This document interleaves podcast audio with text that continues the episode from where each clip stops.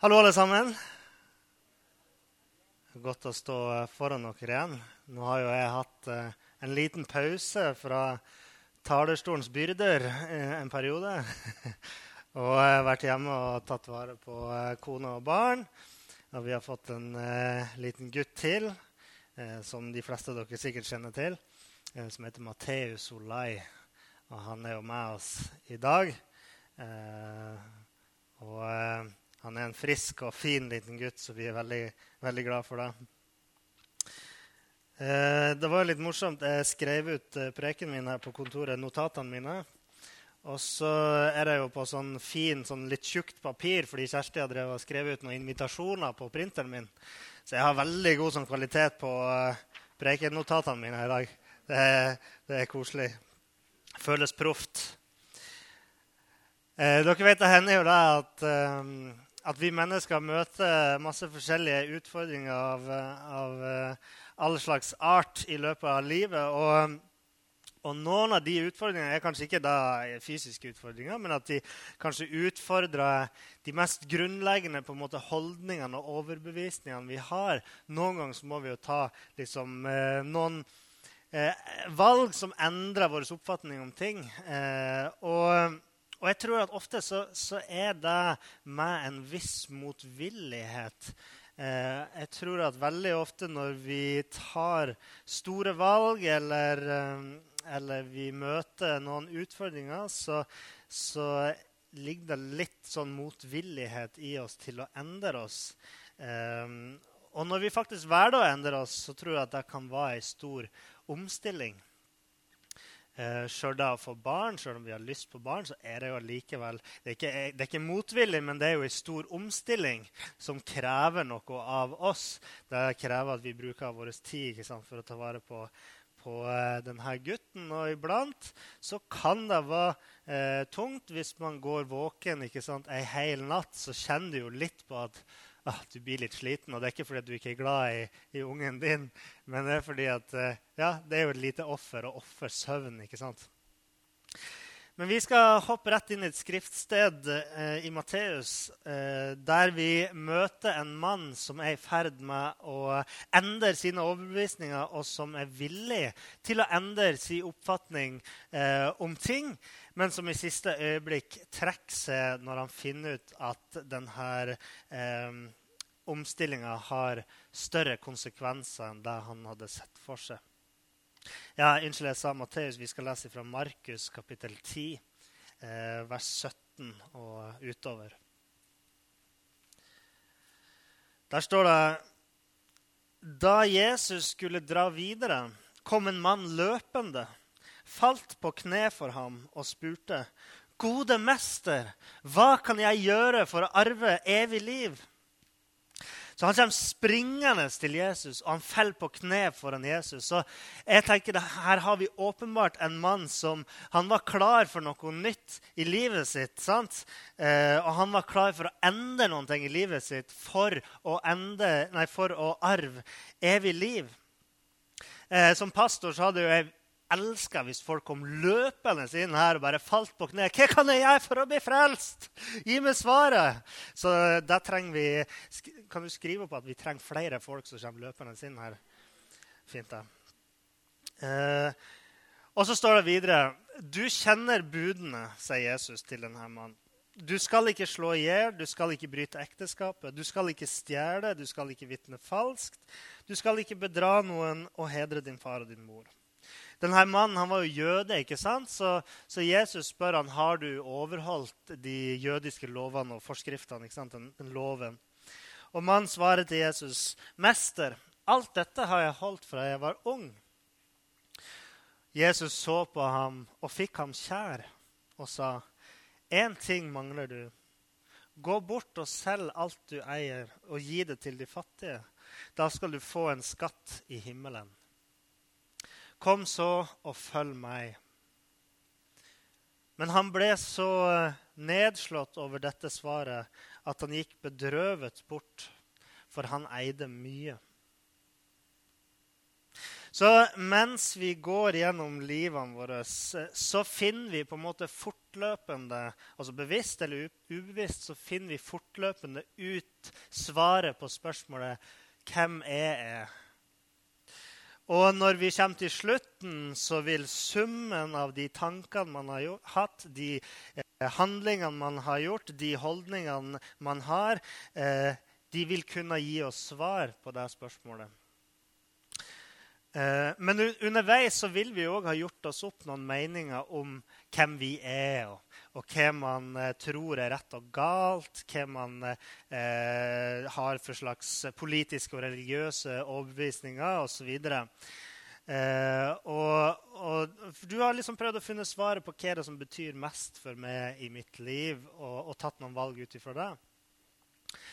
Men vi mennesker har òg en tendens til å grave oss dypere og dypere ned i våre overbevisninger eh, dess lenger vi har de overbevisningene. Ikke nødvendigvis alltid, det gjelder ikke alle overbevisninger, men, men det er et nokså vanlig fenomen. Jeg har f.eks. en bestefar som eh, ja, På slutten av 80-tallet så konverterte han fra eh, Ford til Mitsubishi. Og eh, han er en veldig trofast bilkjøper. Så på slutten av 80-tallet gikk han over til Mitsubishi. Og, og derifra så var det bare Mitsubishi som gjaldt. Han har jo fortsatt Mitsubishi. ikke sant? Jeg tror han abonnerer på sånne Mitsubishi-brosjyrer.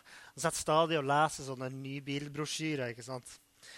Så de er altså verdens beste biler. Og jeg tror, jeg tror nesten bestefar han hadde blitt mer glad hvis jeg og kona mi hadde kjøpt en brukt Mitsubishi enn om vi hadde vunnet en splitter ny Mercedes. Nei da, jeg overdriver, men han er veldig begeistra for Mitsubishi. Men det er klart, det hender jo noen ganger at, at, man må ta stilling til litt viktigere ting enn, enn hvilken bil man skal ha. Og Psykologer de har lenge vært klar over at vi mennesker har denne tendensen til å grave oss dypere og dypere ned i våre allerede eksisterende overbevisninger og holdninger. ikke sant? Eh, for eksempel så kan det være sånn at en person som er på den politiske høyresida Nei, unnskyld, for dere så blir vel det her høyre. Står på den politiske høyresida, så leser en, en avisartikkel som støtter den politiske venstresida. Og hva skjer da? Blir han overbevist av argumenter til venstresida? Nei, da går han kanskje enda lenger mot høyre. Så han blir mer trygg i sine egne overbevisninger som han hadde fra før, når han leser eh, kanskje fakta som, som, støtter den andre sida. Og Det høres kanskje rart ut, men, men det skjer. Sånn, sånn, skjer i oss mennesker om vi, om vi innser det eller ei. Og Noen psykologer sier at dette er en slags sånn forsvarsmekanisme som vi har. Eh, sånn at vi skal slippe å gå og revurdere våre standpunkt om ting konstant. ikke sant? At jeg skal slippe å komme inn her og tenke Burde vi egentlig ha et bord her? Burde det kanskje stå her eller her? ikke sant? Så tenker vi nei, det skal stå der, for sånn har det brukt være. ikke sant? Fordi at hvis man skal konstant revurdere alle ting i livet, spesielt de store og dype spørsmålene som river litt i oss når vi, når vi gjør en endring der, så hadde vi blitt mentalt utslitt. Og denne tendensen som de snakker om, eh, på tvil på våre, nei, og, og liksom eh, tvihold på våre overbevisninger, den kaller de på engelsk 'confirmation bias', eller bekreftelsestendens. Nemlig at vi, vi, er ute etter å bekrefte de fordommene eller vår forutinntatthet som vi allerede har. Hvis du elsker Mitsubishi og du skal kjøpe en ny bil, så søker du ikke 'hvilken bil er best i test' på Internett, men da søker du Mitsubishi best i test, og så finner du alle de treffene du vil ha. ikke sant? For noen år siden så drev de og forska på, eh, på når i livet blir flest mennesker frelst. Er det forskjell på, på hvor mange 80-åringer som blir frelst, og hvor mange 20-åringer som blir frelst? sant? Og, og, studien den ble utført av Det er sikkert flere som har forska på det, men den som jeg refererer til, er utført av ei forskergruppe i USA som heter Barna, eh, og, og forska på mange religiøse spørsmål. Og Der viste de at 64% av amerikanere som tar imot Jesus som deres frelser, de gjør det før de har fylt 18 år. Og bare 23% av alle som blir kristen, eh, blir det etter de har fylt 21 år. Så før man er 20, fylt 21, så har de aller fleste blitt kristen. Så i det folk blir eldre, så blir det mindre og mindre sannsynlig for at de endrer, stand, endrer standpunkt i livet sitt.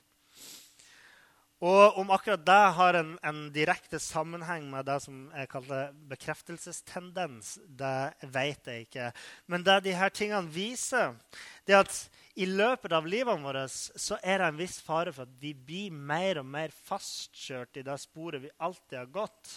Uh, og at vi kanskje blir mindre og mindre mottakelig for, uh, for input og påvirkning utenfra. Og Det stemmer jo egentlig også overens med det kong Salomo uh, skriver, at lær den unge veien å gå, så forlater han den ikke når han blir gammel. På godt og vondt, kan man si. Men hvis vi går tilbake til denne her historien om den rike mannen Her er en mann som kommer sprengende til Jesus, og som faller på kne for han og spør om veien til evig liv. Og Sannsynligvis så har denne mannen hørt om Jesus. Han kommer jo ikke bare springende til Jesus fordi Jesus er en helt tilfeldig person på gata, men det er jo fordi han har hørt litt om Jesus. Kanskje han har til og med hørt Jesu undervisning. Eh, og det virker jo som han er en beundrer av Jesus, en beundrer av, av Jesu budskap, og tror at Jesus her har en mann som kan gi meg svaret på mine dypeste lengsler og spørsmål. Eh, samtidig er det kanskje også en mann som kommer fra en velstående familie. Kanskje har han vokst opp i rikdom, eller kanskje har han, har han tjent sin rikdom på egen hånd. Og kanskje har han hele livet hatt en holdning om at 'jeg har jo sjøl tjent de her pengene', derfor har jeg òg fortjent å ha de her pengene. Eh, og, og, samtidig er pengene sant, en kilde til trygghet i hans liv. Så når Jesus sier til han at du må selge det du eier, og gi det til de fattige, så blir det et offer som blir for stort for han. Hans rikdom er som hans barn, hans største kjærlighet, og det kan han ikke gi opp. Og det er til tross for at han sprang bort til Jesus og falt på sine kne. Og Jeg ser for meg at han sikkert tenkte at liksom, jeg vil gjøre hva som helst for arv, evig liv. Men hans beundring for Jesus, hans tro på at Jesus kunne gi ham svaret, var ikke sterk nok til at han var villig til å ofre sin materialistiske rikdom så vender han hjem og sannsynligvis ganske skuffa over at Jesus ville kreve så mye av det som han elska, og det han hadde satt sin lit til. Denne fortellinga snakker jo ikke bare til de som ikke tror, og heller ikke bare til de som er rike.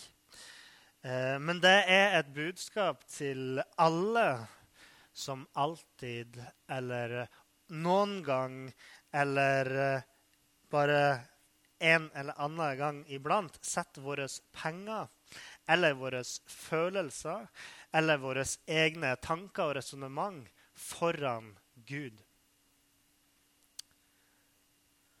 Og denne mannen ikke sant, han, han har satt sine penger foran Gud. Men det handler ikke bare om pengene. Det handler om alle de tingene som man kan sette foran deg og følge Guds ord og følge Jesus. Disiplene de hadde stått der og, og de hadde hørt på, på, Jesus og det han sa. Og når den rike mannen hadde gått, så sier Jesus til disiplene sine, kanskje med et sukk Barn, hvor vanskelig det er for en som stoler på rikdom, å komme inn i Guds rike. Det er lettere for en kamel å gå gjennom et nåløye enn for en rik å komme inn i Guds rike. Og det står at Disiplene de ble forskrekka når de hørte det her. Fordi at de rike var jo som i mange eh, av dagens samfunn, så var jo de de øverste kanskje på rangstigen. ikke sant? De som hadde mest makt, de som hadde mest innflytelse. Og i dette spesifikke tilfellet, denne rike mannen som kom til Jesus, han var ikke bare en rik mann heller. Han var med i på en måte det øverste religiøse rådet eh, i, i det jødiske samfunnet. Så han var virkelig en med høy status blant folk. Så Disiplene blir så sjokkert når de hører at Jesus sier at det er vanskelig for denne mannen å komme inn i Guds rike. Hvis denne høytstående personen med så mye rikdom og, og, status ikke kan komme inn i Guds rike, eller at det er vanskelig for han, hvem av oss, da? Hvor vanskelig er det ikke for oss? Så de, Disiplene de blir helt sjokkert og de spør Jesus men hvem kan da bli frelst. og, og Da står det i Markeus 10, 27 at Jesus sier at han, han så på dem, og så sa han det. For mennesker så er det umulig. Men ikke for Gud. Alt er mulig for Gud.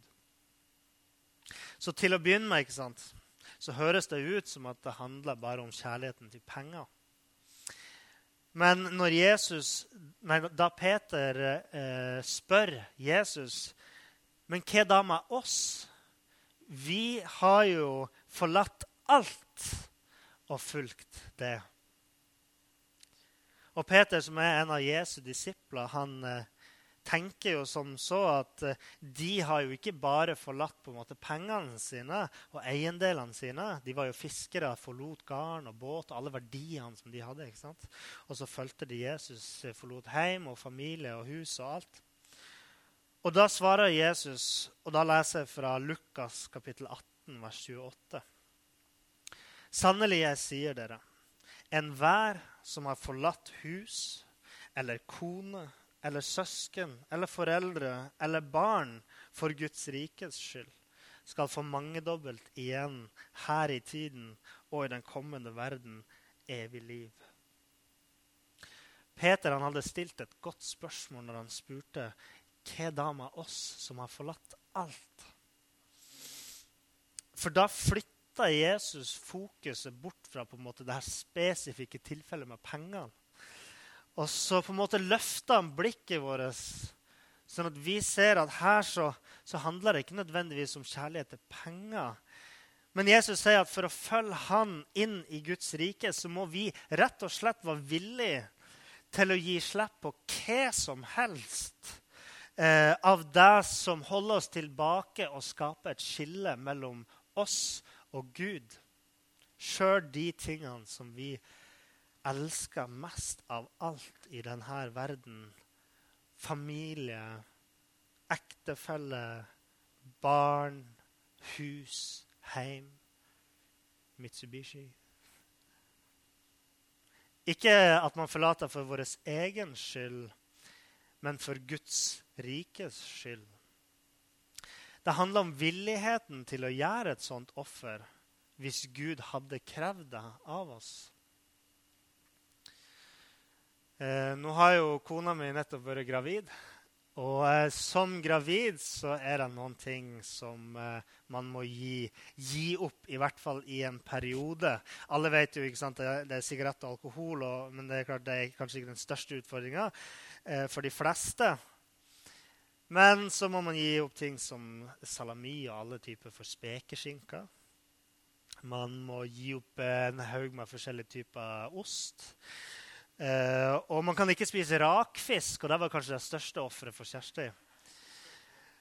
Eh, men det er veldig mange ting man må gi opp. Eh, og, og det, det gjør man jo det er jo et offer som, som, de fleste av oss er villige til å ta. Og jeg tenker på, på det, sant, Når man gifter seg eller får en samboer, eller for øvrig får en, eh, et veldig godt vennskap med en person, så, så, er det jo ofte at man må gi opp noen ting for å, at ekteskapet skal fungere, eller for at vennskapet skal fortsette å være like godt. Ikke sant? Det er jo òg offer som vi er villige til å gjøre. Men da tenker jeg hvor, hvor villig er vi til å ofre noen ting for å følge Jesus? Hvor, hvor, mye kunne Gud ha krevd av det før du hadde gått bedrøva bort. Men det er kanskje ikke slik at, at vi hadde gått bort, men kanskje vi hadde lest Bibelen i favør av vårt eget standpunkt i stedet for. Jeg tror at uh, i møte med Gud og den sannheten vi finner i Bibelen, så er det veldig lett for mange å prøve å vri seg unna på en eller annen måte. Og man tolker Bibelen på sin måte for å passe med det man, man allerede har meint fra før. Jeg tror jo en del folk eh, nærmest umiddelbart vil snu i døra ved tanken på at eh, de må ofre noen ting for Gud. Eh, men setter man ikke da relasjon til Gud ganske mye lavere enn relasjon til f.eks. barnet i magen, som man er villig til å ofre de her tingene for? Og setter man ikke da relasjon til mennesker høyere eh, enn forholdet til Gud hvis man er villig til å ofre så mye for sin ektefelle og sin, sin partner? Finner du fram skilsmissepapirene hvis kona di sier 'skru av TV-en' og var litt sammen med meg? Nei, men de fleste gjør jo ikke det. Forhåpentligvis, da. Og Jesus snakker her om at forholdet vårt til Gud skal ikke ha en lavere standard enn forholdet til et annet menneske. Det skal faktisk ha enda høyere standard enn det. Og så sier jo Jesus det at uh, det vi ofrer for Guds rikes skyld, det skal vi få hundredobbelt tilbake for. Vi skal få ei lønn for vår villighet til å ofre for Guds rike. Eh, og og Det betyr jo ikke at hvis man har vært villig til å forlate pengene sine, sånn som han mannen liksom, villig til å gi bort pengene sine, så skulle han da ha fått 100 ganger så mye penger tilbake igjen. For det ville jo på en måte ha, ha vært litt eh, counterproductive, som de sier på engelsk, altså mot sin hensikt. Hvis uh, jeg hadde forlatt Kjersti og mine to barn for å eh, bruke enda mer tid her i menigheten, så ville Gud liksom plutselig ha gitt meg 100 koner og 200 barn. Jeg, jeg, håper ikke kona mi tar det som en fornærmelse, men jeg vil jo kanskje sett nesten på det som en straff. altså. Jeg ser for meg stellebordet som en sånn samlebånd med bleieskifte. liksom. Ja, det hadde vært litt av en jobb. Eh, men eh, det er jo så lett å bli ikke sant, som et barn som, eh, som sitter ved middagsbordet og, og, skriker og klager. 'Ja, men jeg vil ha desserten nå!' Før de har spist opp grønnsakene. Sant? Sånn er det litt med, med oss mennesker. at Vi, vi, vi sier ikke sant, 'Hvorfor kan ikke jeg bare få det som jeg syns gjør meg lykkelig nå?' I stedet for å ofre det, og så måtte jeg vente til å få noe annet. Jeg vet at det jeg må vente på, er, er bra og er enda bedre enn det, men jeg ville bare ha akkurat det her akkurat nå. Sant? Nesten som et barn som klager etter å få den desserten. Og jeg tror at uh, ikke sant? Mange tenker å få det jeg tror jeg trenger, og det jeg føler vil gjøre meg lykkelig akkurat nå, i dette øyeblikket, det blir på en måte enda viktigere enn den belønninga man skal få. Det var det som skjedde med denne rike mannen. Han fikk svar på det spørsmålet som han hadde lengta på å få et svar på. Men han opplevde at offeret var for stort, så han heller vendte Gud ryggen. Men Jesus han ber oss om at vi skal faktisk sette han først. Og at Gud skal være den vi stoler på, og at Gud skal være den vi får vår lykke fra, fremfor alt. Fordi at først da vil vi innse ikke at vi blir rike og får masse materiell velstand, ikke at man får 100 koner. Men først da får man vite hva ekte kjærlighet er, hva ekte lykke er, hva ekte tillit er. Jeg begynte jo å snakke om det at vi mennesker har denne tendensen til å bare stå sterkere og sterkere i den samme overbevisninga som vi alltid har hatt, sjøl om kanskje fakta og alle argumenter taler for det motsatte. Og Når jeg snakker om det her i dag, så tenker jeg jo som sagt ikke bare på vårt forhold til penger, eh, sånn som med denne rike mannen.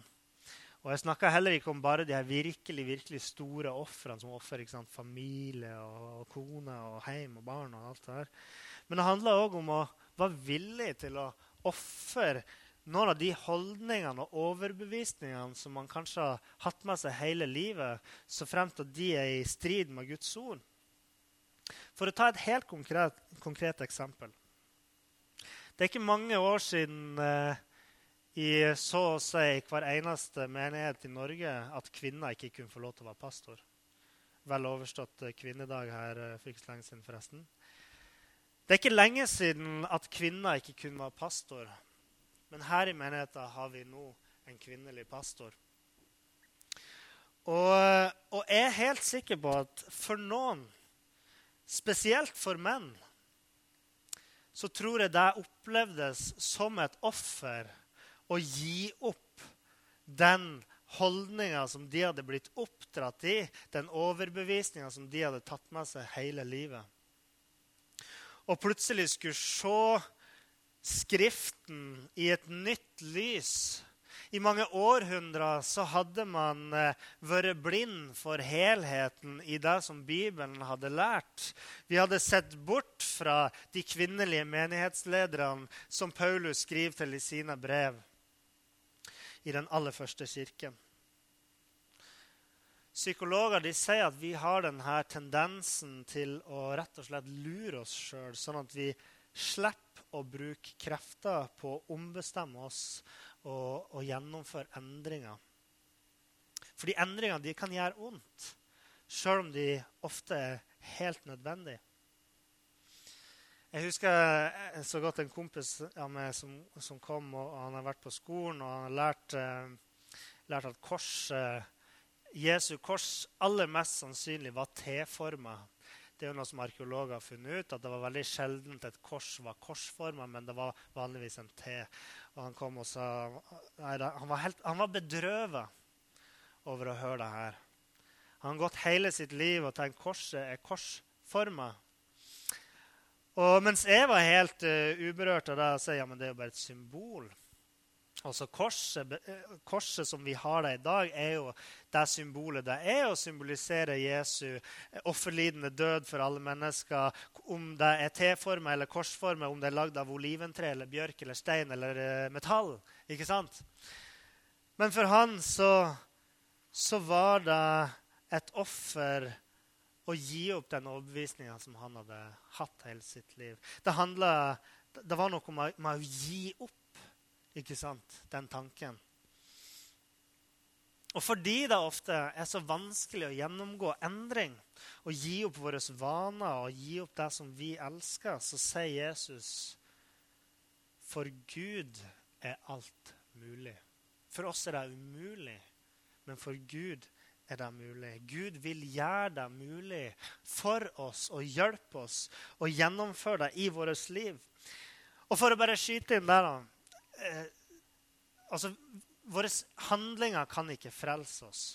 Uansett hvor mange ting vi gir opp eller ofrer for Gud, av alle slags ting, så vil det aldri kunne frelse oss.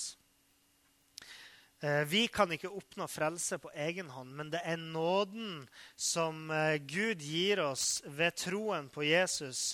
Eh, det er den som frelser. Guds nåde. Men Gud han har likevel lyst til å hjelpe oss ved sin hellige ånd. Eh, ved sin ånd så har Han har sendt sin ånd, sånn at han kan lære oss om sannheten.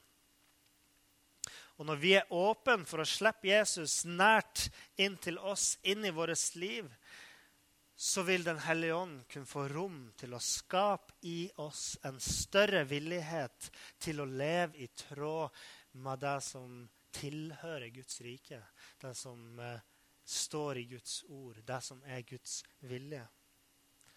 Og derfor, så, Når jeg leser Bibelen, så, så tenker jeg jeg jeg skal prøve å være åpen for overraskelser. Det kan, det kan komme noe nytt. Så, så jeg, sier liksom, jeg, sier ikke bare det at ja, Gud, nå må du ta meg til nye høyder og i oppmuntring for, for liksom det jeg allerede står for, og det jeg allerede har trodd hele mitt liv. Så klart det er deilig å få bekreftelse på at man er på riktig vei. Eh, men jeg ønsker òg at han skal ta meg til nye dybder inn i sitt ord. I kjennskapet til han og inn i sannheten. Jeg har ikke lyst til å sette meg fast i min egen forutinntatthet og på en måte grave skyttergraver rundt og si at nå er jeg eh, 28 år gammel, nå har jeg funnet svarene, og de her svarene skal jeg ha hele livet. Og så liksom stålsetter du det. For Vi kristne snakker ofte om det liksom, ja, vi må bare stå i sannheten. Men å stå i sannheten betyr ikke nødvendigvis at akkurat du har alle de riktige svarene, og de må du stå på til eh, Dovre faller, liksom. Er dere med? Jeg ønsker å ha ei åpen dør for Jesus i mitt liv, sånn at han kan, kan gi meg nye impulser og gi meg nye innsikter. Og sånn at Gud på den måten kan la meg se mer og mer av Guds rike time for time dag for dag, bønn for bønn, bibelvers for bibelvers. Jeg er straks ferdig, altså. Men først må jeg si noe veldig viktig. Og det er at denne villigheten til å ofre noe for, for, Gud eller for hvem som helst, er jo gjerne noe som kommer gradvis. Noen har nok en, en, veldig sterk og hurtig omvendelseserfaring. Der skjer jo at folk liksom går inn på et møte, og så plutselig så slår Gud over dem. Men for de aller fleste så vil man alltid ha en, en vei å gå. Og jeg tenker spesielt på de som kanskje er nye for alt dette her. Jeg tror mange mennesker som ikke kjenner Jesus, som ikke er vant med å gå i kirka, eh, og tror at for å komme på gudstjeneste så må de på en måte var nærmest eh, moralsk perfekt. ikke sant?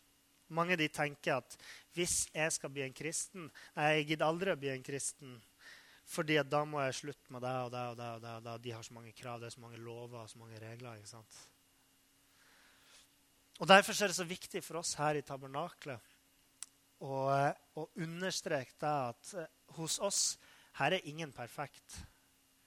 Sjøl ikke pastoren er perfekt. Det er ingen som er i det bygget som er perfekt, som har gjort alt riktig, som har ofra alt de kan for Jesus. Sjøl om man har en villighet til det. Så vi er bare mennesker. Og, og som mennesker så er det ofte vanskelig ja, Som mennesker så er det ofte vanskelig å gjøre virkelig store personlige offer for eh, personer som vi ikke kjenner. Ikke sant? Jo, det er klart eh, vi gir penger til veldedighet, til misjon for folk som ikke kjenner oss nær, men, men, skal du liksom gi opp eh, fem dager av de ti for å hjelpe noen, så er det, det blir et stort offer for oss da. Uh, så Men i våre personlige relasjoner, i våre vennskap, så øker jo gjerne denne villigheten til å ofre noe over tid, etter hvert som man blir mer og mer kjent med hverandre, og etter hvert som tilliten til hverandre øker. Og dette tror jeg er sant i vårt møte med Jesus òg. Det blir jo som å møte en ny person som du aldri har møtt. For en som er ny for alt dette. Og da, da må man ikke tenke at nå skal jeg bare ofre alt med en gang, og så følge. Men noen ganger så trenger man å si ja, men Vent litt. Jeg må, jeg må, få lov å bli kjent med det først. Eh, I et portrettintervju i, i Korsets Seier, eh, i, i siste utgaven Korsets Seier er avis, eh, og eh, I et portrettintervju der så, så, møter vi en ung sosialantropolog som heter Tone Høgland. Og hun, hun forsker på kristen tro. Uh, og hun har i, i, ett års tid så har hun vært med i, i pinsemenigheten Philadelphia i Oslo. Og uh, før hun begynte på dette prosjektet, så kunne hun ikke forstå at noen kunne gå i ei kristen menighet. Og ikke sant, Husk på det at sjøl forskere kan være offer for denne tendensen jeg snakker om, at de òg kan være offer for å bekrefte sine fordommer som de har hatt fra før. Eh, men hun har derimot blitt positivt overraska over hvor godt det var å komme inn i dette fellesskapet i Filadelfia-kirka. Og så sier hun det, og det er ganske utrolig for en forsker å si, eh, for det kan være med på rett og slett eh, å, minske hennes kredibilitet da, som forsker. Men hun sier allikevel det at når jeg er ferdig med dette prosjektet, ferdig med forskninga på Philadelphia, så kommer jeg til å fortsette å gå her. For her trivdes jeg så godt. Og, og, da har hun på, da har hun hatt fullt innsyn i styremøter, i alle slags uh, aktiviteter, i alt som foregår, og fortsatt bare helt Jeg finner ingenting kritikkverdig i denne kirka her. Og så, så sier hun noe da, som snakker rett inn i det jeg snakker om i dag. Og hun sier før tenkte jeg mye på at det å bli kristen innebar at man måtte forandre seg veldig mye. Og det er jo veldig slitsomt når man eh, akkurat har blitt 30 og endelig funnet tryggheten i seg selv.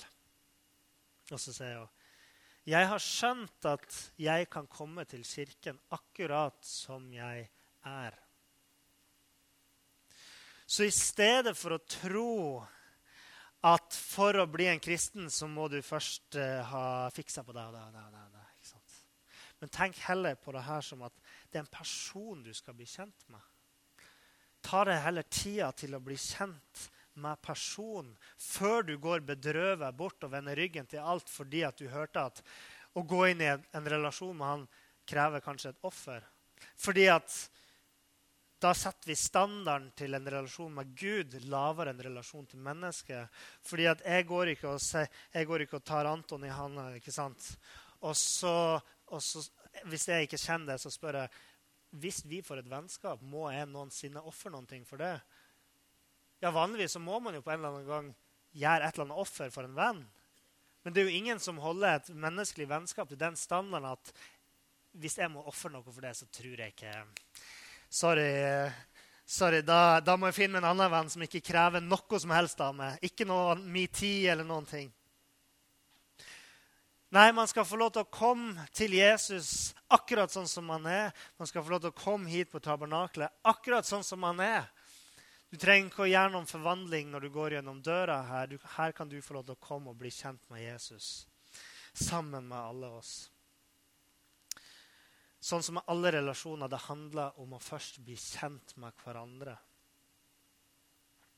Og så er det det som er så fantastisk å huske på at for alt det som vi ofrer i vårt vennskap, i vår relasjon med Jesus, så vil vi få hundredobbelt tilbake. Og det er ikke mange andre venner som kan love oss. Amen.